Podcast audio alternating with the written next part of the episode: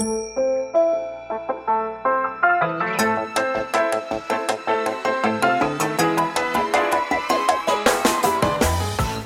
lieve luisteraars, welkom bij de Stories of Inspiration podcast van What's Your Story. De podcast waarin ik jou laat horen dat er achter ieder gezicht een inspiratiebron schuilt. En waarin ik jou heel veel tips ga geven over hoe jij meer naar buiten kunt treden met jouw authentieke verhaal. Heel veel plezier met luisteren en na afloop ben ik onwijs benieuwd wat je ervan vond. Stuur me een berichtje via Instagram als je wil reageren, als je vragen hebt of als je jouw verhaal ook zou willen delen. Veel plezier met luisteren!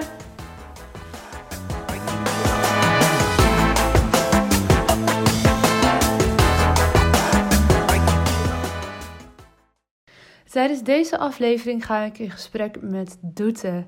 Doete keek als kind uren naar de geboorte op SBS 6. En inmiddels is ze verloskundige en ondernemer. Ze heeft een hele mooie levensinstelling en staat heel positief in het leven. En dat is niet zomaar zo gekomen.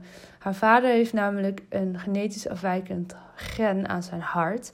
En moest uiteindelijk zelfs een harttransplantatie ondergaan. Nou, dat was me wel een avontuur. En uh, ik heb op het puntje van mijn stoel gezeten toen Doet hierover heeft verteld. Dus dat is absoluut de moeite waard om naar te gaan luisteren. Want uh, spannend was het zeker.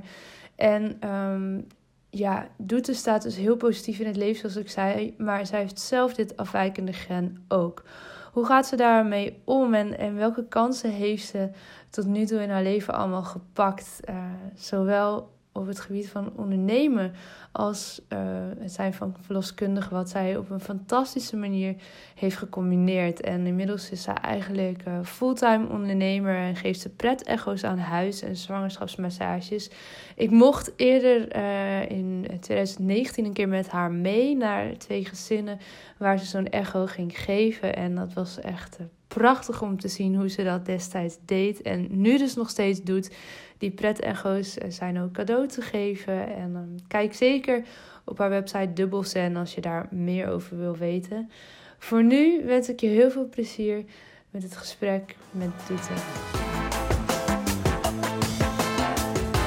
Doete, welkom in de Stories of Inspiration podcast. Ja, dankjewel. We zitten hier Superleuk. lekker uh, samen in Groningen met een theetje. Ja, lekker de kachel aan. De kachel staat aan, want het is hartstikke koud buiten. En het regent. Wanneer ja, we dit opnemen, maar Ja. echt superleuk dat je er bent. Vind ik ook. Wij kennen elkaar uh, nou, van een beetje vanuit het ondernemerswereldje hier Ja. in Groningen. Voor iedereen die in de Randstad woont en luistert en denkt, nou Groningen, daar gebeurt toch niks. Nee, dat is dus, niet waar. Wel, wel waar. Ehm, ja, wij hebben elkaar het afgelopen jaar leren kennen, denk ik. Ja, En ehm, ik mag je interviewen, dat vind ik echt superleuk. ja, ik ook. Ik ben benieuwd wat Yes. allemaal te sprake komt. Ja.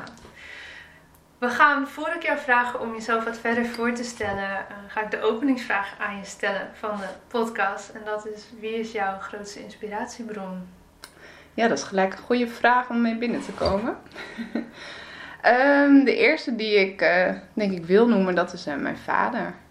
Ja, mijn vader die is ondernemer en mijn moeder ook. Maar ik merk dat eigenlijk hoe mijn vader in het ondernemerschap staat, dat het heel erg lijkt op hoe ik dat nu doe. Ik zie overal ideeën en hij heeft me echt geleerd om dat eh, gewoon te gaan doen. Niet bang te zijn en alleen maar de positieve kant eigenlijk daarvan te zien. En eh, vanuit daar ben ik eh dubbel zen op gaan richten. Dus. Tof! Ja. Mooi. En je zei de eerste die ik wil noemen, was er nog iets of iemand die in jou oppopte? ja, ook mijn moeder. Want die heeft me eigenlijk sinds kinds af aan gestimuleerd om verloskundige. Omdat dat mijn droom was. En zij zei, nou dat moet je doen. Dus eigenlijk... is dat iets wat jij echt vanaf heel jong al, al Ja. wilde? Ja, ik zei, nou, toen ik met pop ging spelen, toen zei ik tegen mijn moeder van, eh, ik wil eh, dat ook worden, de kraamzorg of verloskundige. Ja. En toen zei mijn moeder, nou, dan moet je voor verloskundige gaan. Ja? ja, ze zei, nou, dat past helemaal bij je. En toen de geboorte op SBS 6, ik denk dat SBS 6 was, kwam toen, eh, oh, daar, daar, daar zette ik echt, daar wilde ik altijd naar kijken. En hoe oud was je dan toen? Ja, ik weet het eigenlijk niet eens. Ik, ik stel me wel voor dat ik al wel echt kon bedenken dat ik dat als werk ging doen. Dus Oh ja. ik denk gewoon al wel wat verder in de basisschool. Ja, maar best wel heel jong. Ja, wel jong. Op het moment dat ja. kinderen beginnen te vragen van hoe ontstaat een kind überhaupt? Nee, nee, toen- nou Ja, ja. daar was je. Nou, toen kreeg ik denk ik nog een boekje van hoe werkt dat dan? Ja, precies. Je had een stukje overgeslagen Ja, eigenlijk. ja ik wist al. En ik vond het ook helemaal niet eng om naar vrouwen die toch wel best wel veel geluid maakten op SBS Ja. 6 eh, tijdens de geboorte, om eh, daarnaar te kijken. Ik vond het juist heel... eh, ja, Interessant. Ja, interessant. Dat is het juiste woord. Ik wilde juist naar beneden kijken terwijl mensen wegkijken. Dat ik dacht, nee. En vooral het moment dat dan de baby op de buik van de moeder wordt gelegd. En Oh, dat ja. de vader daarnaast... Dat ik echt dacht, nou, ja. Ja, als je dit Dat als werk kan doen, dat wil ik. Ja. Ja. Ja, mijn moeder heeft me daar wel in gestimuleerd. En ik denk dat dat gewoon een perfecte combi is. Dat ik nu verloskundige ben en ondernemer Ja. in mijn bedrijf. En ja. heb je jezelf eigenlijk ook al heel mooi mee voorgesteld. Want dat is eh, inderdaad waar je, waar je nu ook mee bezig bent. Ja, Maar ik wil nog wel heel graag even voor we helemaal naar het nu gaan, iets meer horen van hoe dat dan verder is gegaan. Want je zat op de basisschool en je keek al naar de bevalling. ja. Ik heb dat persoonlijk nog nooit gezien.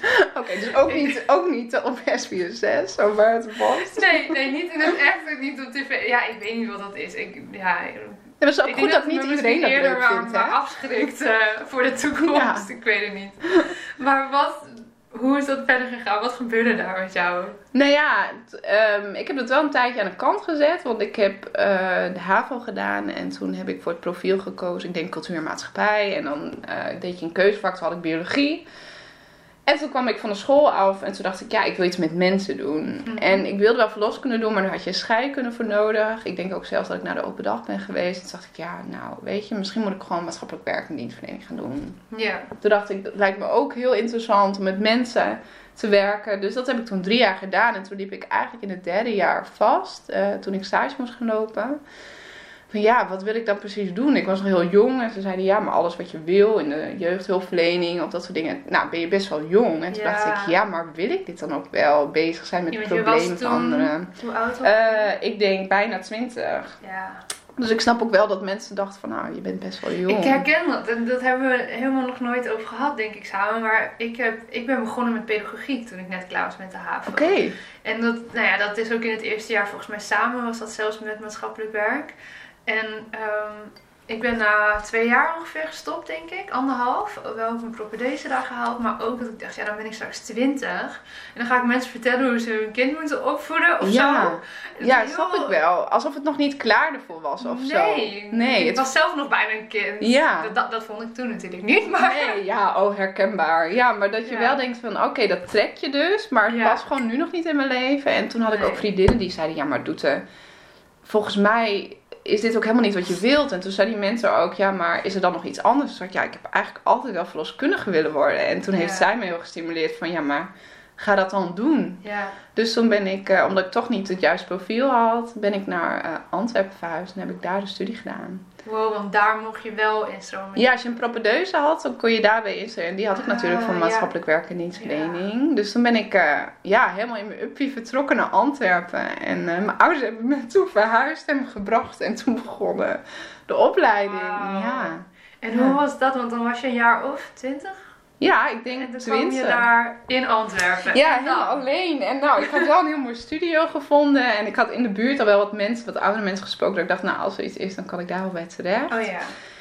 En toen ging ik de eerste dag naar school en toen merkte ik eigenlijk dat heel veel eh, Nederlandse studenten, ja, had ik wel verwacht hoor, want dat las je ook wel op internet, maar die dat ook deden. Dus ik had eigenlijk gelijk een groep vriendinnen waar wij, eh, nou, elk weekend wel bij waren en ook door de week. Dat is wel heel fijn. Ja, je zit in eenzelfde schuitje, zeg maar, van Ja. hé, hey, ik wil heel graag verloskundige worden. En eh, nou, het is ook toch wel, hè, België ligt heel dichtbij Nederland, maar het is toch echt Ja. wel een ander land en Ja. andere, ehm, hoe moet ik dat uitleggen, hiërarchie in het ziekenhuis. Dus het was echt wat doorbikkelen. Maar ehm, ja, ik dacht ik wil gewoon verloskundige worden. Dus eh, nou, en toen drie jaar ging eigenlijk best en, snel. En is dat dan iets, ehm, want ik vind dat interessant, die, scheikunde, heb je dat dan nou nog daar gemist of viel dat makkelijk bij het Nee, spijkeren? nee. In, in, eigenlijk, wat in Nederland heb je een inlotingprocedure. En dan ehm, kan je alleen toegelaten worden als zij je toelaten.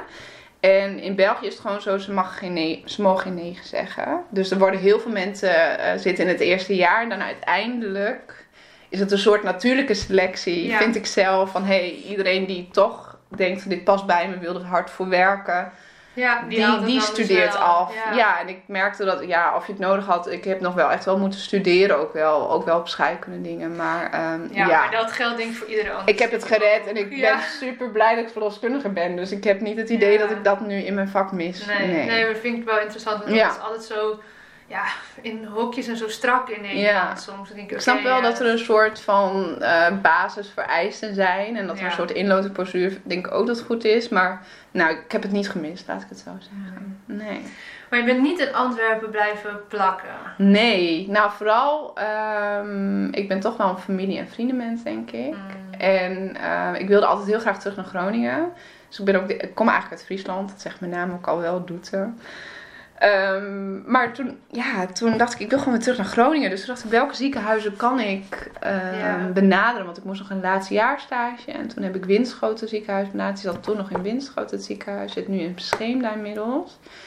En toen had ik een mail gestuurd van ja, ik ben echt bereid om eh, al mijn stageuren als soort inwerkuren, hoe jullie het ook maar willen. eh, want ik zie dat jullie wel een verloskundige zoeken. Ja. En ik wil gewoon heel graag terug naar Groningen en dan wil ik ook wel blijven. Dus eh, nou, toen werd ik uitgenodigd voor gesprek en eh, toen mocht ik daar stage lopen en ben ik ook uiteindelijk gaan werken. Ja, wat Ja. gek, wat mooi. Ja, dat was eigenlijk viel het allemaal zo een beetje op zijn plek. Ja. Ja.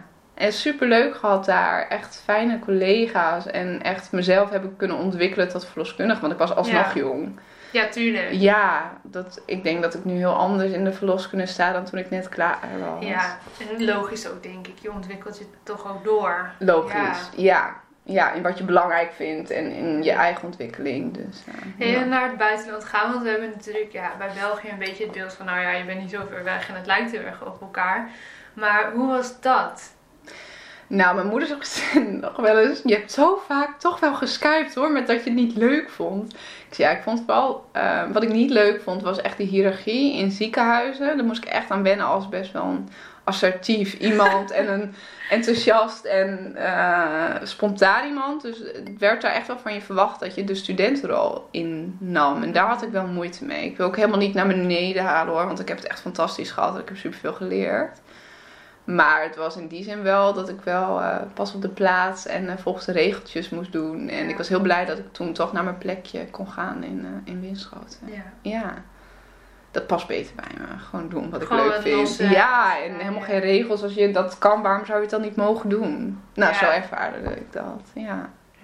Mooi, dus ik kwam weer hier. eh, Ja, toen kwam ik hier weer. En toen bij mijn vriendinnen weer. Want ik had natuurlijk vriendinnen wel sowieso uit Friesland die hier woonden. Dus was dat wennen weer na een paar jaar? Nee, Nee? Nee, super fijn. Nee, ik vond Groningen echt. Ik voelde me hier ook altijd thuis. Dus Mhm. ja, ik kon gewoon. eh, ik had ook wel heel snel weer een huisje. En eh, nou, ik kon gewoon lekker. Ik kreeg een vast contract. En nou, toen dacht ik, ja, Ja. zit hier wel goed. Ja. Mooi.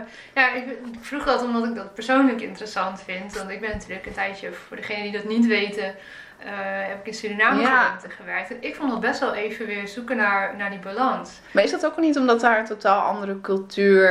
ja, eh, misschien het verschil is wel misschien wat extremer dan in Ja. België. Ehm, op een heel andere manier. Ja. Dus ik vond sowieso het wonen en werken hier wel aanpassen. Maar ook gewoon met je vriendinnen die je al had voordat je wegging. Dat, ja.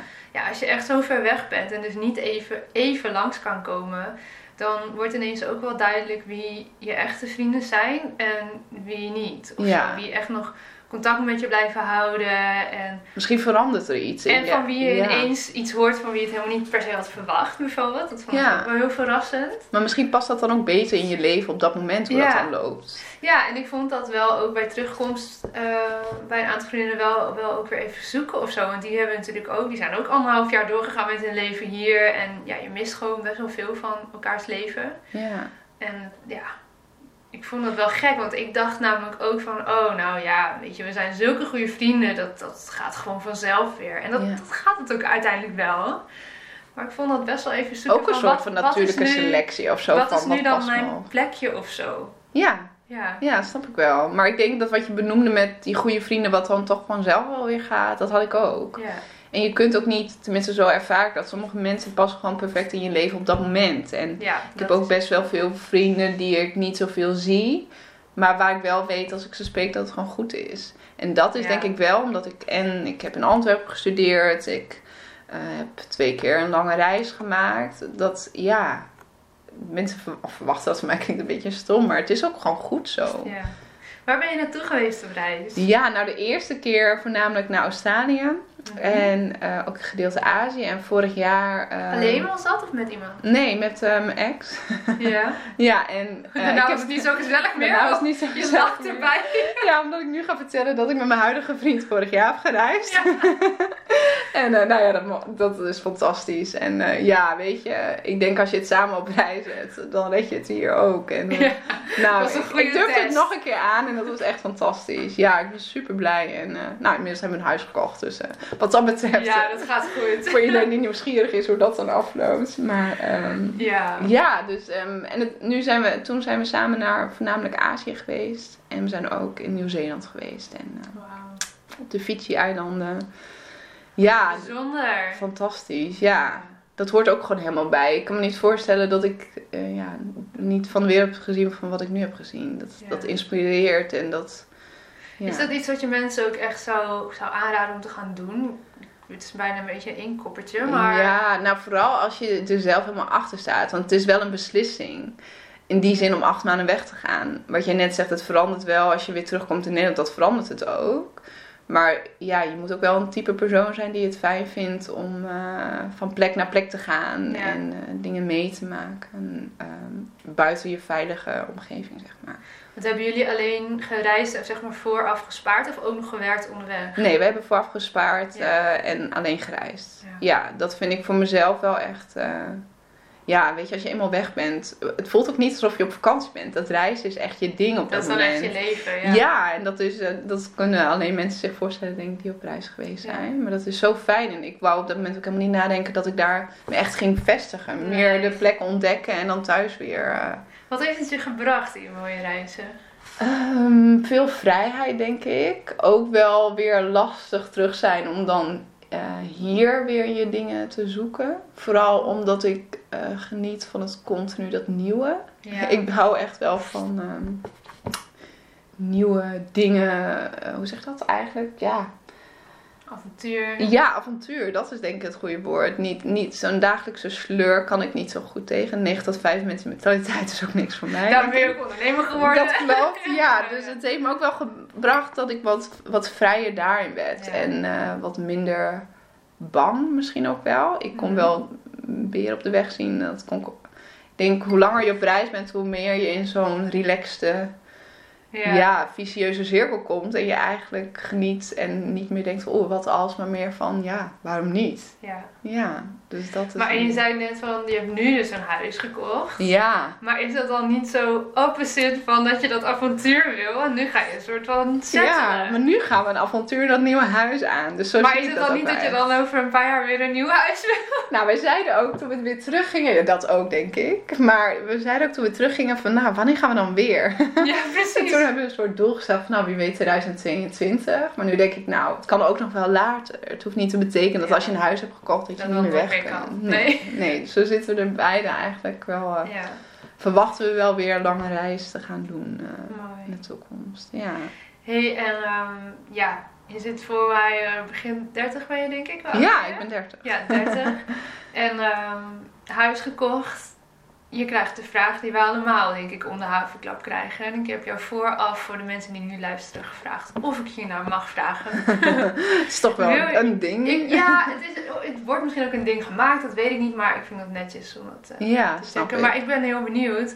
Ehm, wil je zelf ook mama worden? Ja, zeker. Ja, ik had eigenlijk vroeger altijd, toen ik met mijn vriendinnen over had, altijd gedacht dat ik heel jong mama zou worden. Mhm. Nou, in die zin is niet gebeurd, omdat het er niet van gekomen is. En ik voel het ook heel goed zo. Ik heb ook echt dingen kunnen doen die ik zonder kinderen denk ik anders had, of met kinderen anders had Mhm. gedaan. Ehm, maar zeker, ik wil graag moeder worden. Dus ik hoop wel dat dat in de komende jaren eh, zo mag zijn. En ik denk ook dat het mijn plaatje van mij als verloskundige en dubbels en eh, nou, nog completer maakt. Ik kan me namelijk heel goed indenken hoe alles moet zijn. Ik kan het ook vrouwen, zwangere vrouwen vertellen tot in het puntje.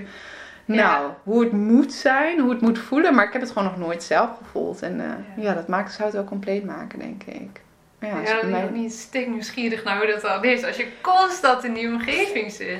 Ja, nou, het begint nu nog meer te kriebelen, denk ik, omdat ehm, dubbel zen eigenlijk nog maakt dat ik nog meer in, in de zwangere wereld zit. Hè? Als verloskundige heb je gewoon je job. Ja, misschien goed om even te vertellen wat jij doet met je bedrijf. Want Ja, je Daar hebben we het niet over gehad, hè? Nee, dat hebben we volgens mij, want ik weet dat natuurlijk, dus daarom heb ik nog vergeten daar te vragen. Maar wat, wat doe jij naast jouw werk als verloskundige? Nou, naast mijn werk als verloskundige heb ik dubbel zen. En dat is eigenlijk mijn fulltime job nu. En dubbel zen staat voor ontspannen zwanger. En ik, ehm, wat eronder valt zijn pret-echo's, massage en een zwangerschapscursus. En dat doe ik allemaal thuis.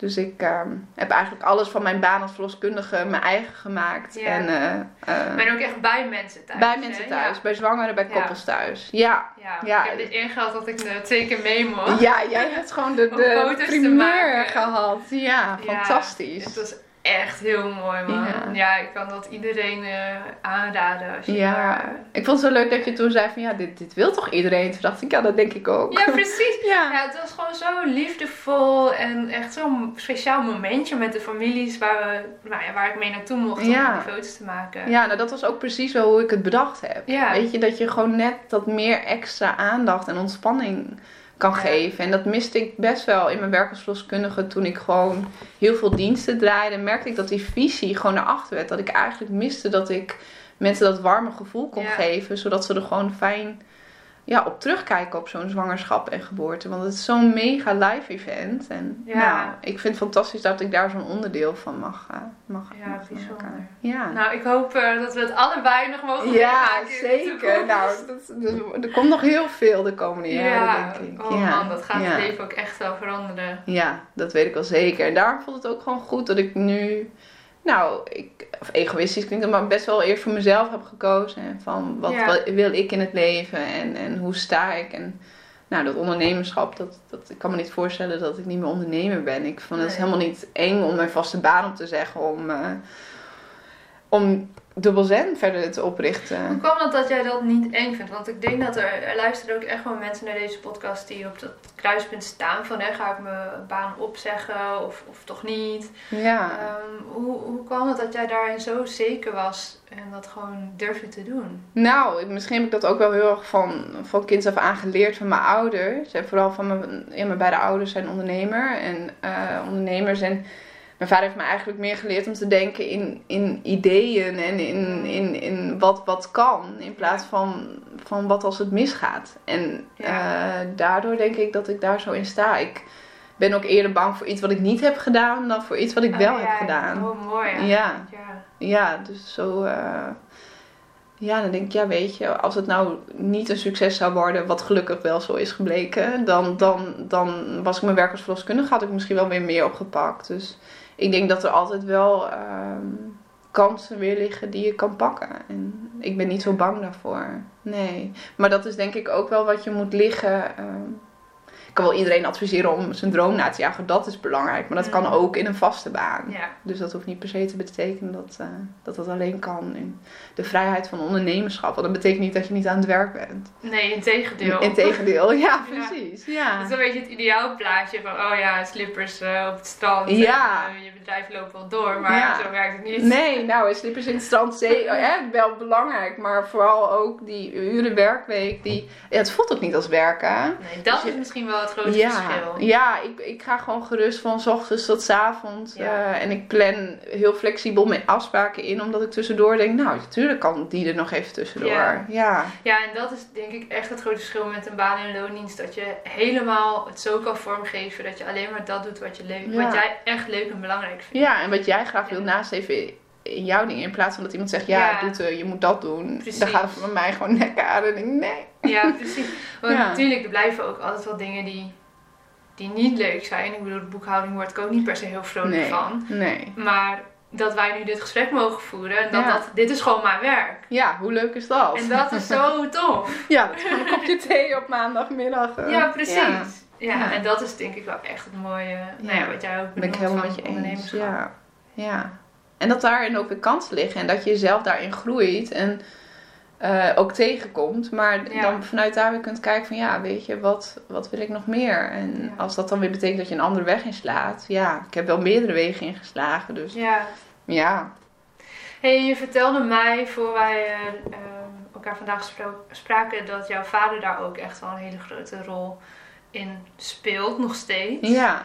Kun je daar wat meer over vertellen? Want dat is wel echt een bijzonder verhaal. Ja, ehm, nou het begon een tijdje geleden denk ik. Toen werd mijn vader hartpatiënt. En dat vonden ze allemaal heel vreemd. Dat was een hele gezonde man. Ehm, en een jonge man, dus het was heel gek dat hij de klacht had die hij had. En ehm, toen bleek dat hij een genetische afwijking heeft, waardoor je hart te slap en te groot wordt. En uh, dus minder gaat functioneren. Het hoeft niet te betekenen dat je dat krijgt, maar uh, nou, mijn vader had dat wel. En ook wel in die mate dat hij op uh, de donortransplantatielijst kwam.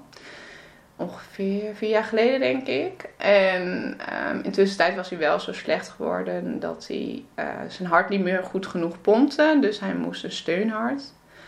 nou, voor mensen, is dat, een ja, dat is natuurlijk best wel even lastig om uit te leggen, maar het is een soort pomp die in je hart geplaatst wordt en die dan met batterijen aan de zijkant van je lichaam je hart laat pompen. Dus echt, die neemt de pompfunctie van je hart over. Dat betekent wel dat je die batterijen moet vervangen. En ik wou zeggen, dat zijn uh, wel goede Duracell batterijen. Ja, zeker. ja, en die moeten ook, en eh, s'nachts moet die in de accu. En ook mijn vader aan, aan, aan de stroom. Even zo heel... Bizar, ja. ja. Het is iets wat je kan beschrijven, maar wat je niet kan bevatten. En um, dat heeft hij een tijd gehad. Daar werd hij ook wel wat beter van. En dat betekent niet hè, dat mensen nu denken, ja, dat wordt hij beter van. Hij kon gewoon weer functioneren. Ja, ja. En uh, dat deed hij ook. Dus ja, in die zin had ik gewoon mijn vader die naar het werk ging, zijn bedrijf aanhield. Want en hoe oud was Dat is vier jaar geleden ongeveer. Ja, mijn vader is nu, even hoofd, dus dat was ongeveer toen hij 54 of zo, 55 was. Hij is nu 58. En ehm, vanuit daar nou, stonden we steeds natuurlijk op cent bij dat dat nieuwe hart wel ja, zo kon zijn. Ja, elk moment. Ja, en dat was ook wel lastig, want ja, je kan je voorstellen, ga je dan wel op reis of niet? Ah, uh, die ja, zeker. Daarvoor eigenlijk al wel. En um, nou, dat heb ik natuurlijk al met ze over gehad. En ik zei, ja, weet je, als je wordt gebeld, dan komen wij natuurlijk terug. Maar dan kan het zijn dat ik in die zin te laat ben om je nog afscheid van je te nemen voor die operatie. Oh, dat is best wel een heftig besluit dan. Ja, maar ook um, zo relaxed omdat mijn vader zo relaxed is. En hij is altijd positief geweest, ondanks hoe ziek hij was. Van ja, weet je, um, het gaat erom. Uh, ik geloof echt dat ik beter word. En ja, in die tussentijd moeten we gewoon even doorbikkelen. En moeten we ook wel genieten. En um, ik heb er toen wel voor gekozen om weg te gaan. Ja. En um, dat vond ik echt wel moeilijk, dat vertel ik nu wel zo. Maar daar gaan echt wel best wel, uh, nou ja, wat uh, verdrietige gevoelens aan vooraf, zeg maar. Nou, en ja, doordat hij zei, ja, dat moet je gewoon doen. Toen dacht ik, nou, gaan we dat gewoon doen. En want wanneer kan het anders? Je weet gewoon niet je hoe het loopt. Je weet niet wanneer, nee. Nee, en de meeste soort, volgens mij is het gemiddeld vier jaar op de wachtlijst. Dus ja, ik had al wel een beetje berekend van, nou... Want weet je wel dan als patiënt... Ja, waar je staat? nee, ook niet echt. Oh, nee. dat is ook wel lastig. Dat is wel lastig, maar... Als je nou, beter zijn om het wachtende voordeur. Ja. Ja, nou dan was het wel. Ja, maar er worden ongeveer, maar nou, ik weet het niet eens uit mijn hoofd, maar heel weinig hartige plaatsen in een jaar. Ja, precies, daarom. Dus dat is in die zin ook helemaal niet zo'n. Nou, ik had gewoon verwacht van die reis, dat lukt nog wel. Maar... Het kracht van het universum. Was dat zo? Ja, het was zo. Oh. Ja, het kracht van het universum. Ik dacht zo, nou, weet je. En volgens mij heeft mijn vader het ook heel erg gedacht. En mijn moeder ook. En mijn zusje ook. Van als Doete terugkomt, dan zal het gewoon zo zijn. Nou, dat bleek ook zo te zijn in oktober. Om het nog allemaal veel spannend te maken, werden we opgeroepen. Uh, mijn vader lag al in het ziekenhuis. Hij moest al een andere operatie um, gaan. Want toen ging het eigenlijk toch wel weer veel slechter. Mm. Ondanks het steunhart. En um, die dag dat dat door zou gaan, toen kwam de arts bij hem dat er een hartvorm was. Wow. Ja, jeetje. Nou, ik krijg ook weer hartklopping. Ja, dat was echt zo'n moment dat je dan zo race naar het ziekenhuis van, nou, nu is het echt zo. Je kan niet voorstellen. Dus ik, hij en mijn vriend bellen van, ja, je moet nu thuis komen, want het gaat gebeuren.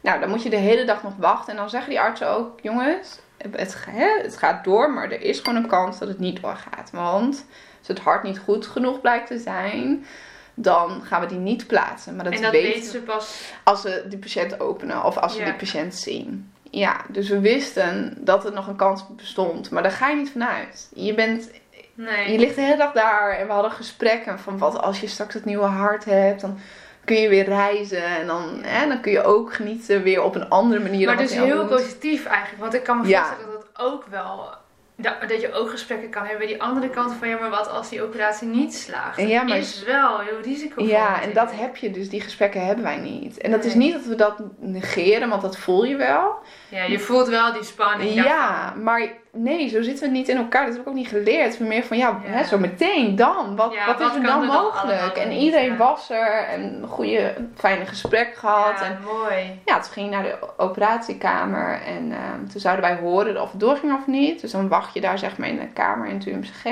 Oh man, wat spannend. Ja, super Oh, spannend. man. ja, en toen bleek, eh, toen kwam de chirurg eh, met tranen in zijn, in, ja, in zijn ogen bij ons dat het niet doorging. Oh my god. Ja, echt? ja. Ik zat echt het op te bouwen alsof het wel ja, ging sorry. gebeuren. Ja, ja nou, toen bleek dat het dus niet doorging. Dat het, ehm, ja, dat het hart niet goed Wow, genoeg Dat was. is heftig. Ja, hij zei, en je vader is gewoon te goed. Ik ga het niet plaatsen, want ik weet niet zeker of het daarna wel Of start. Ja, of het wel beter wordt. En eh, ja, nou ja, wij dachten ook, ja, nee, dan niet, weet je. Ja, Want wij willen hem niet kwijt. En dan komt er het volgende hart wel. Ja, het is heel gek, maar zo ga je denken. Totdat het moment dat je je vader ziet. En dat er voor het eerst volgens mij iets in hem geknapt is van... Ja, eh, fuck, ik lig hier gewoon op de operatiekamer. En het ging niet door. Ja. En toen heb ik wel gemerkt dat, dat er iets in hem veranderde. Van ja, weet je, ehm, eh, ik doe er ook toe. En het, ik- ja, de anderen kunnen ook wel, hè, hebben iets ergs. Maar nu gaat het gewoon om mij. Ja. En ik, ik heb lang genoeg mijn geduld gehad. Ik weet niet wat ik precies hoor, hoe hij dat allemaal precies heeft gedacht. Maar hij zat natuurlijk helemaal in die overlevingsmodus. ja, en toen eindelijk gingen we dromen die dag. En ging je dat En loslaten. binnen diezelfde dag Ja. valt het ook weer helemaal in duigen. Ja, en dat was best wel slecht. Hè? Voor mensen die... Je kan het niet voorstellen, maar hij, hij zei dan dat hij de hond ging uitlaten. En dan, eh nou, dan deed hij gewoon 10 meter en dan liet hij de hond daar uit. En dan ging hij weer terug. Maar dat zei hij dan niet tegen ons. Dus Oh ja. weet je wel, dus, maar hij was echt wel slecht. Nou goed, eh, uiteindelijk die dag ehm, overleefd, om zo maar te zeggen. En toen Ja. ging toch die operatie die hij zou krijgen om hem weer iets beter te maken. Dat was een aorta-klefvervanging. Ehm, doordat ehm, dat zuurstofrijke bloed, dat werd vermengd met zuurstofarm. Dus hij had gewoon ook, nou, dat was logisch dat hij zich slecht voelde. Toen hebben ze Die dat operatie gedaan. is wel doorgegaan. Die operatie doorgaan was ook wel risicovol. Ja, dan is ja. even de tweede optie dat. Waar Ja. de andere mensen heel naartoe leven en denken van wauw, hè, dat gaat gebeuren. Maar Ja.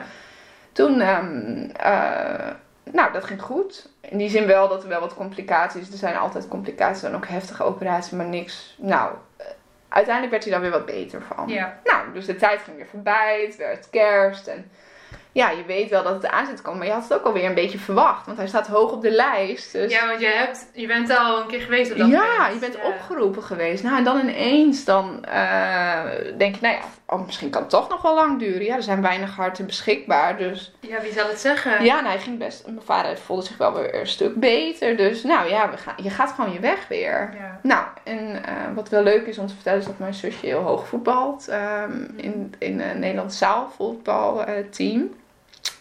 en die ging naar Polen om eh, daar een wedstrijd... nee, sorry, niet Polen. Dat was afgelopen maand. naar België. Naar België. Daar ging ze een wedstrijd eh, spelen. Nou, toen... Als je namelijk niet in de buurt bent van het UMCG een uur, dan moet je je afmelden, zeg maar, van de, van de donorlijst. Nou, dat had mijn vader in die tussentijd nooit gedaan. Maar hij dacht, ja weet je, het duurt nu al zo lang. Ik vond me best wel redelijk goed. Laten we gewoon naar die wedstrijd van, van Anna gaan, mijn zusje. Want het is zo tof dat we dit nog Ja. meemaken. En laat, maken we er een weekend weg van. Ga ik gewoon genieten met, met nou, mijn Je gaat moeder. toch en, niet zeggen dat het toen hard kwam? nou, eh, laten we het nog even door spanning Ja, maar ik ga je, jullie zien dit niet, jullie horen dit alleen maar, maar ik zit hier helemaal op het puntje van mijn stoel.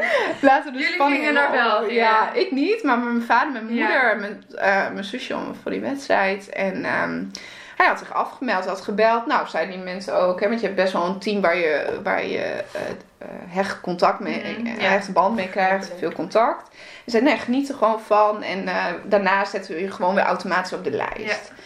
Ehm, dus ja, ik was thuis ook. Ik dacht, nou, ik kan mijn mobiel een keer uit hebben, weet je wel. Het hoeft Oh, helemaal niet. ja, ik dacht, nou, ineens, had daar stond ik zo bij stil. Maar nou, wij gingen dus allemaal slapen. En toen om vier uur werd ik gebeld, s'nachts. Dat eh, mijn vader zei, ja, ik zit in de ambulance. En ehm, ja, we, we zijn onderweg naar het UMCG, eh, want eh, er is een hart.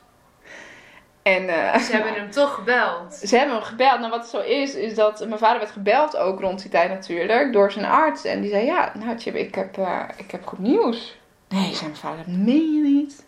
Ja, zei hij, ik heb goed nieuws. Nou, ja, er is een hart. Nou, zegt hij, dat kan helemaal niet.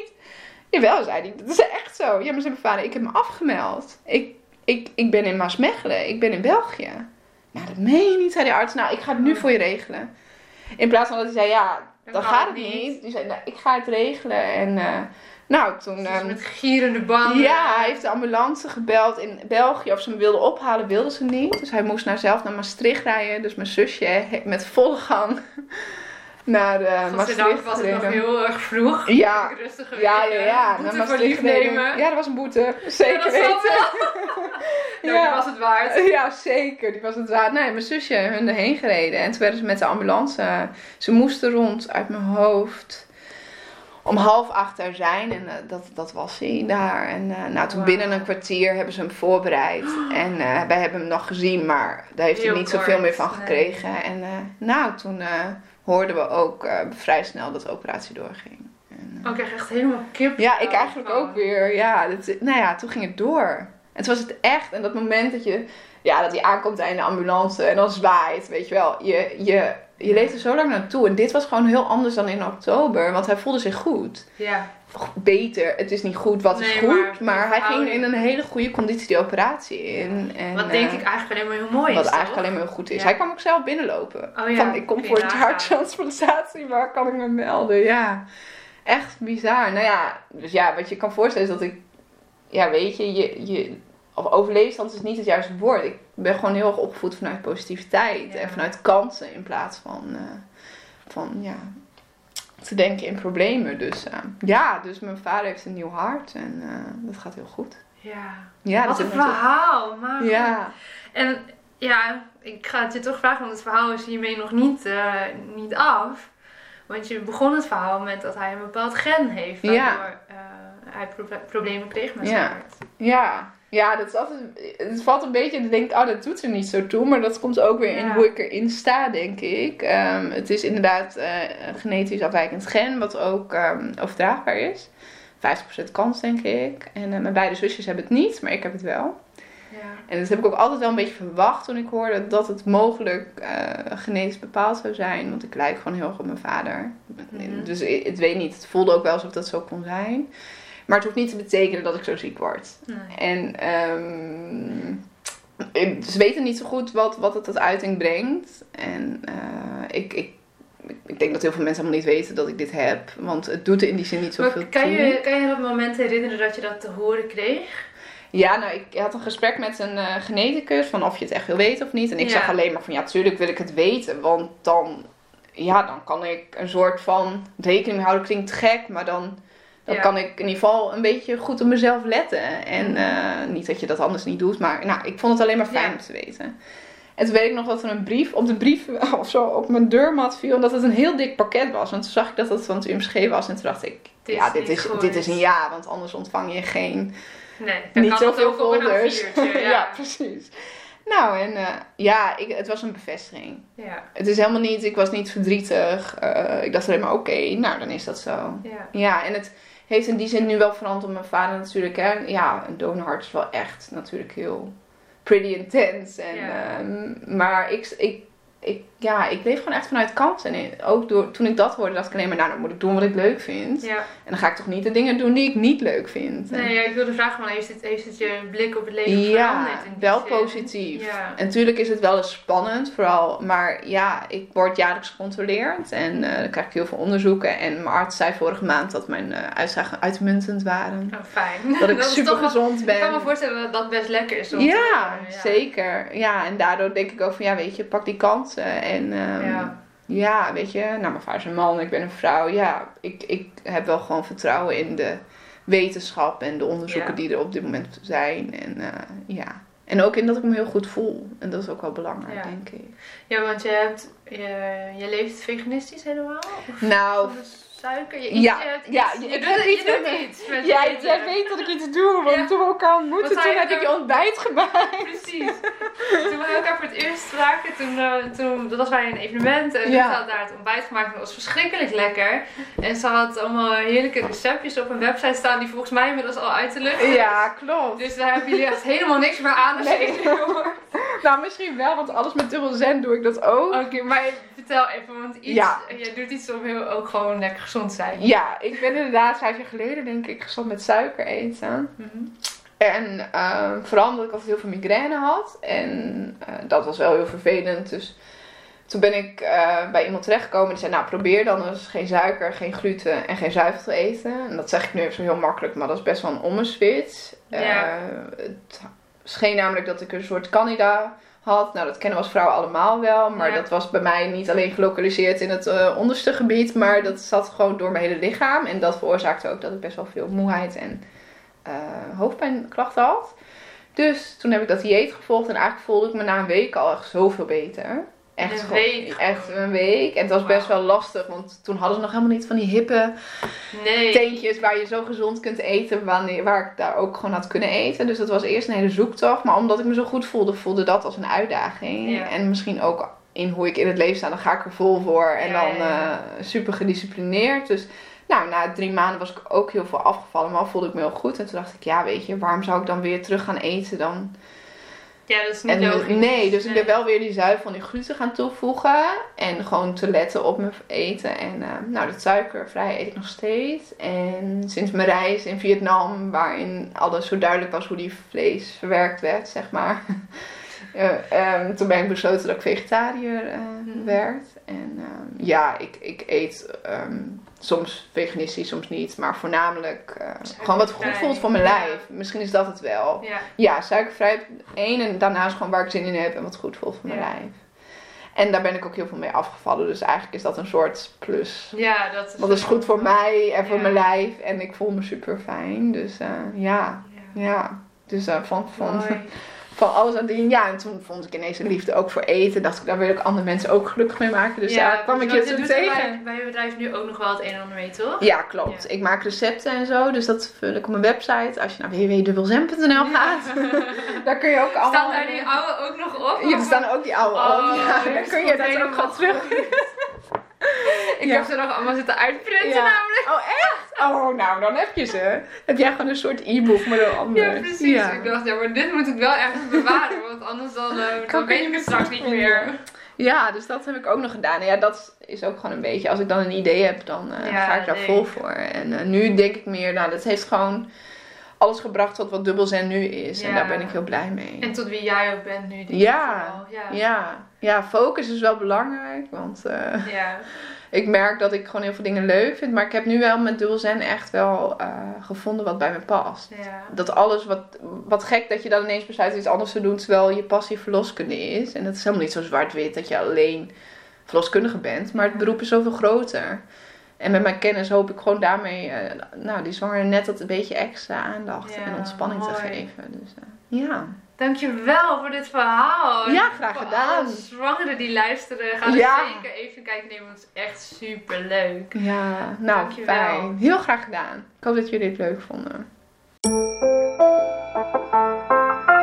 Ja, dat was hem weer voor deze keer. Dankjewel voor het luisteren en ik hoop dat je hebt genoten van deze podcast. Wil je me helpen deze podcast te laten groeien? Laat dan een recensie achter via iTunes of deel in je Instagram stories dat je hebt geluisterd en vergeet maar niet te taggen. What's your story, NL.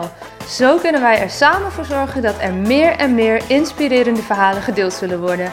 Alvast onwijs bedankt voor je support en tot de volgende aflevering.